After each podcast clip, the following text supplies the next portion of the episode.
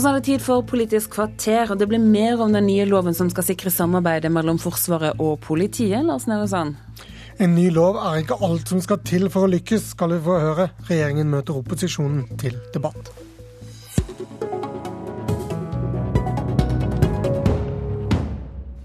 Velkommen til Politisk kvarter. Det kommer til å handle om menneskers liv en eller annen gang, når politiet kommer til kort og Forsvaret må hjelpe. Mange har pekt på en instruks som må klargjøres. Regjeringen svarer nå med å gjøre en gammel forskrift til en ny lov. Eirik Øvre Thorshaug, du er statssekretær i Forsvarsdepartementet og har tidligere jobbet i Justisdepartementet for Arbeiderpartiet. Hva er det dere vil med de to lovforslagene, helt kort? Helt kort så dreier dette seg om å gjennomføre anbefalinger fra 22. juli-kommisjonen om rask og effektiv helikopterstøtte til politiet i forbindelse med terrorbekjempelse på norsk jord. Det slår vi fast i en egen lov, en bistandslov som skal regulere Forsvarets bistand til politiet. Og en ekstra fordel med å slå fast dette i lov, er at man fjerner enhver debatt uh, om at uh, Forsvarets bistand til politiet er i strid med Grunnloven. Så er det et uh, annet moment ved dette lovforslaget som har med egentlig litt andre ting eh, å gjøre, det er at Forsvaret har et eget ansvar i Norge for å forhindre terrorangrep med fly. Og det har en ganske naturlig forklaring. Det er det at det er bare Forsvaret som har jagerfly. Og av den grunn også kapasitet, mulighet, beredskap for å kunne hindre et sånt angrep. Og fordi dette ansvaret er så stort og tungt. Man har allerede anledning til å ivareta det i dag basert på folkerettslige prinsipper om suverenitetshevdelse, men vi ønsker også for eh, å være helt klar på at det har en lovhjemmel, og slå det fast også i norsk lov. Men det er fortsatt sånn at politimesteren skal ta kontakt med Politidirektoratet, som skal ta kontakt med Justisdepartementet, som skal ta kontakt med Forsvarsdepartementet, som skal ta kontakt med forsvarssjefen, som da tar kontakt med Luftforsvaret.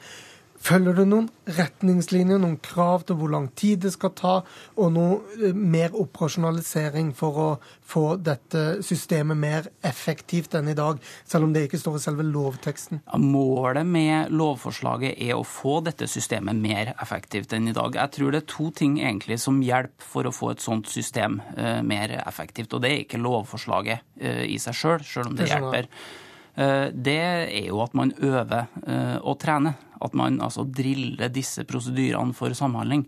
For det er nødvendig, og vi må ha disse leddene i dette systemet dersom vi skal velge eh, på vegne av staten å bruke Forsvaret eh, i en meget skarp situasjon. Håndhevelsesbistand dreier det seg om. Mot eh, egne borgere i ytterste konsekvens, og bruke altså dødelig makt i ytterste konsekvens. Da skal det være skikkelig sjekka ut og avklart dersom man skal gi anledning til det. Høyre-leder og statsministerkandidat Erna Solberg, du er med oss på telefon. Dette vil ikke hjelpe stort, sier du. Hva er problemet med regjeringens forslag? Altså, det er fint at de lovregulerer dette, men det er nå snart to år etter 22.07, og vi har altså ikke kommet i havn med det som skal gi oss raskere eh, respons, økt beredskap på dette området. Eh, jeg tror at eh, eh det er fint at loven kommer, men det hadde vært en fordel at også denne loven i lovens forarbeider så hadde man skissert de scenarioene som gjør at eh, Forsvaret automatisk skal stille seg i beredskap, eh, og ikke bare la en ny prosess komme etter at loven eh, gjennomføres. Men hvordan, ja, Hva hadde du lagt til som vedlegg, nær sagt, hvis du hadde vært statsminister? Altså det, det som er viktig, er å få ned tiden, og sånn at beredskapen kommer raskt opp. En av de tingene vi har sagt, det er jo at vi skal kunne sørge for at det er ja, tegnet scenarioene som bl.a. gjør at på det tidspunktet skal Forsvaret kunne bistå. Det betyr på en måte at man har satt seg i beredskap med en gang. Og så må man kunne korte prosessen og vise at i denne saken så går det på automatikk. Ja, behandlingen av bistandsanmodningen 22.07. for to år siden skjedde altså både muntlig og skriftlig, og det tok fra 17 til 74 minutter. Hva mener du er akseptabelt da? Altså, vi må jo ha en diskusjon med Forsvaret for å finne en tidspunkt for, for, hva som er akseptabelt. Men jeg mener jo at vi må, eh, vi må på dette punktet være nede under 17 minutter for faktisk beredskapshensyn. Vi må kunne gå veldig raskt når noe skjer. Eh, hvis vi skal ha opp et helikopter i luften, hvis vi skal uh, uh, raskt stille mannskapet, så må altså denne, det, det være, være, en mye klarere automatikk, istedenfor at det blir en diskusjon Og vi har altså eksemplene fra Øvelse Tyr som viser at det faktisk da ikke ser ut til å ha vært en forbedring i responstiden eller i avklaringstiden. Tidsfrist på under 17 minutter, du rynker på pannen, Torsjø. Ja, Mener Høyres leder at det skal være automatikk ved håndhevelsesbistand? Nei, men jeg sier at Hvis vi i utgangspunktet har laget scenarioer som vi mener det skal være automatikk i, så betyr det at du da også har fått automatikk i den håndhevelsesbistanden. Det betyr at du har forklart på hvilken tidspunkt dette utløses. Da stiller Forsvaret seg allerede i beredskap, og man starter med det. Hvis man skal vurdere hver enkelt sak som en ny sak hver gang noe måtte skje, ja, så kommer det til å ta lang tid. Per Sandberg, du... Lage disse automatikktankegangene. Hvilke scenarioer er det som faktisk vil utløse denne bistanden? Og da vet alle nå er det faktisk klart for bistand, nå skal vi starte. Ja, men bare først til Per Sandberg, du leder justiskomiteen eh, i det snart avgåtte Stortinget. Hva synes du etter å ha hørt Torseng? Ja, det her er jo en bestilling fra både eh, kommisjonen, men også fra 22. juli-komiteen på Stortinget. Eh, så her skal jo regjeringa ha ros for at man i hvert fall har kommet fram med et, et lovforslag. Selv om at man kan si det at det har tatt lang tid. Eh, og Så kan man diskutere da hvorvidt at dette lovforslaget vil gi kortere responstid. Eh, det tror jeg dessverre vi ikke får se før at vi eventuelt kommer opp i en krise eller en akutt situasjon. Og Det er jo det som er litt av poenget her, da, at vi må legge inn ressurser på trening for å øve på tilfeller som kan skje. Eh, og Jeg registrerer at det er jo flere som allerede eh, stiller spørsmålstegn ved hvorvidt at eh, linjene er klare nok i dette lovforslaget i forhold til hvem som har ansvar. Og så registrerer jeg at, at, at man nå tar inn materiell da, som, som, en del i forhold til bistandsinstruksen. Og Da er jeg litt skeptisk i forhold til at det kanskje kan bli en hvilepute i forhold til at politiet ikke får de nødvendige investeringsmidlene for sjøl å ha et utstyr som står klart ved akutt- og, og krisesituasjoner. Eh, og Det må man avklare, i hvert fall eh, hvis man skal få ned responstida. Men, men hva eh, slags utstyr er du vil ha, ha, penger til Sandberg? For Politiet vil jo aldri ha jagerfly, f.eks. Nei, altså når det gjelder den delen som går på luftbåren og, og hindre terroranslag, i, i så måte så er Forsvaret suverent. Men jeg tenker ikke minst på det som skjer når det er akutt, eller at du har en krisesituasjon. Så er det først og fremst politiet som skal agere. Og det er jo politiet da som først og fremst kan få ned responstida. Eh, det kan man ikke hvile på Forsvaret på noen slags måte. og Da er jeg redd for at, eh, at eh, man kan hvile på det materiellet som Forsvaret har, og da står jo politiet uten utstyr. Vi skal, vi skal, spørre Torshaug om, om, dette nå. Hvor, hvordan får du ned responstidene, det opposisjonen etterlyser her? Ja, altså jeg tror man må skille mellom det som ligger i dette lovforslaget og det som er praktiske tiltak. For det Høyres leder sier er jo rett ut uh, feil. Uh, altså Når det gjelder de praktiske tiltakene, Høyres leder sier at man ikke er i havn. Vi har altså gjennomført en rekke praktiske tiltak for å få ned denne responstida. Hva gjør man da? Jo, da setter man helikopter på Rygge på beredskap. Det skjedde høsten 2011. Vi har etablert helikopterberedskap i Nord-Norge. Det skjedde våren 2013. Fra 1.1.2013 så er det altså etablert en beredskap for håndhevelsesbistand som dekker østlandsområdet. At man kan bruke skarpskytter i helikopter. Så det er gjennomført en rekke beredskapstiltak praktisk. Så når det gjelder det konkrete lovforslaget lov, Hvorfor har dere da en tidsfrist for hvor raskt dette skal virke? Jeg tror det er veldig lite praktisk å regulere tidsfrister i lov. Jeg tror vi må ha beredskapstiltak som virker, som øves, som trenes, der man kjører prosedyrer. Og så er det også sånn at det er gærent det Høyres leder eh, sier om at man ikke kan skissere scenarioer. Det finnes allerede i dagens bistandsinstruks. Den ble revidert og oppdatert i juni 2012. Og I tillegg i dette lovforslaget som vi sender på høring i dag, så er det altså en egen bestemmelse eh, der man faktisk gir mulighet for at man kan gi utfyllende bestemmelser fra både Forsvarsdepartementet og Justisdepartementet knytta til dette, bl.a. knytta til prosedyrer. Solberg. Men, men der burde vi jo vært nå, når lovforslaget kommer. Vi burde vært i den situasjonen at vi hadde gitt dette allerede. At det var en del av faktisk loven. Når jeg sa at snakket om praktisk beredskap, jeg snakket om evalueringen av Øvelse Tyr. Øvelse Tyr 2012 evaluerte den nye, hvordan den nye bistandsinstruksen faktisk fungerte. Der står det altså revidert bistandsinstruks skulle tilrettelegge for å øke tempoet i prosessene uten at bedret effekt kan påvises.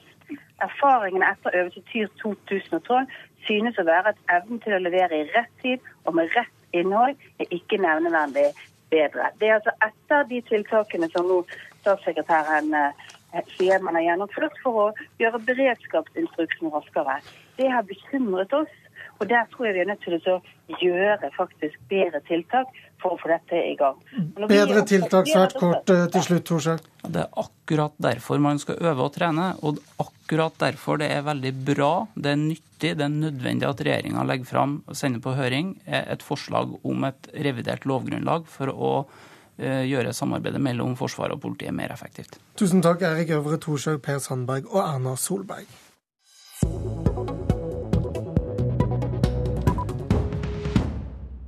Per Magnus er jo ganske unik som antageligvis den yngste førstekandidaten for noe parti i Norge.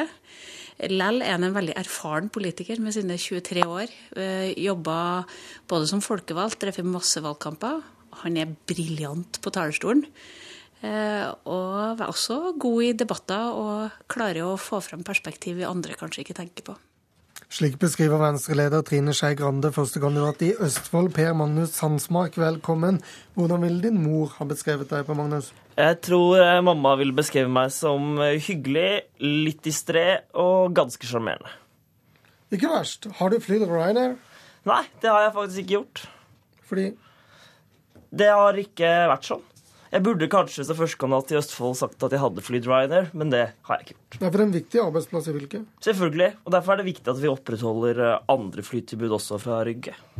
Hvem vasket gulvet hos deg sist, og når skjedde det? Du, det var meg selv. Rett før jeg dro på ferie, så det skal være rent og pent til jeg kommer hjem. Så bra. Hva slags regjering bør en eventuelt borgerlig seier ved valget gi? Det bør eh, gi en eh, Høyre-KrF-venstreregjering, en blå-grønn regjering som kan sette folk først.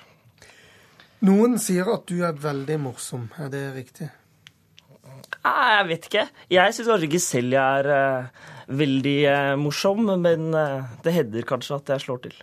Hva slags mat er det du dyrker på rommet ditt? Hvem er det du har snakka med? Jeg har, jeg har dyrka bl.a. brokkoli under, under senga. ja. Ja. Hva er det mest liberale du har gjort i ditt liv? Det mest liberale jeg har gjort i eh, mitt liv Jeg vet ikke. Kanskje Nei, jeg er kanskje ikke så veldig liberal i eh, praksis. Såpass. Kunne du med dine holdninger gifte deg med en sosialdemokrat? Nei, det tror jeg hadde vært uh, vanskelig. For sosialdemokrater er så opptatt av systemer. Det er ikke jeg så villig. Nettopp. Tross din sjarmerende side, altså. Eh, hva vil du få ut av ditt politiske engasjement? Jeg eh, har lyst til å forandre verden og gjøre verden eh, hyggeligere, mer sjarmerende, mer liberal. Positiv. Å stemme Venstre er det samme som å stemme blankt, er det noen som sier. Hva sier du? Nei, det er helt uh, feil. Å stemme Venstre er det samme som å stemme på miljøet, som å stemme på framtidige løsninger, som å stemme på et uh, parti med hyggelige, bra folk som vil kjempe for en bedre verden. Hva er det som er så kult med Østfold, egentlig? Det kuleste med Østfold er at vi er det fylket hvor flest betaler NRK-lisensen. Ja, Det er bra kult. Ja, det er ganske bra kult. Og så er vi eh, et eh, Jeg liker veldig godt med Østfold at eh, folkeslaget østfoldinger er litt sånn sjenerte og småharry. Men det er kanskje også det som gjør at vi østfoldinger blir sett litt ned på og ser litt for mye ned på oss sjæl. Du har dansa ballett, skrevet om museumsforvaltning, vært med i Målungdommen og vært medlem av Nei til EU. Du er opptatt av barnevern og miljø. Hva er det som er galt med SV? Det som er eh, galt med SV, er at eh, de er eh, for opptatt av at andre skal mene det samme som dem. Det som er så fint med å være liberaler, er at Venstre kan alle mene hva de vil? Ja, ikke, Alle kan jo ikke mene hva de vil, men venstrefolk syns at alle andre i hvert fall kan mene eh, hva de vil, og vil f.eks. ikke styre hva frivillige organisasjoner skal mene for at de skal få statsstøtte, som SV f.eks. har gjort i regjering. Du har vært politisk aktiv siden 2007. Hva har vært den største overraskelsen ved å se politikken fra innsiden kontra utsiden? at alle er så utrolig enige hele tiden. I norsk politikk? Ja. Alle partiene?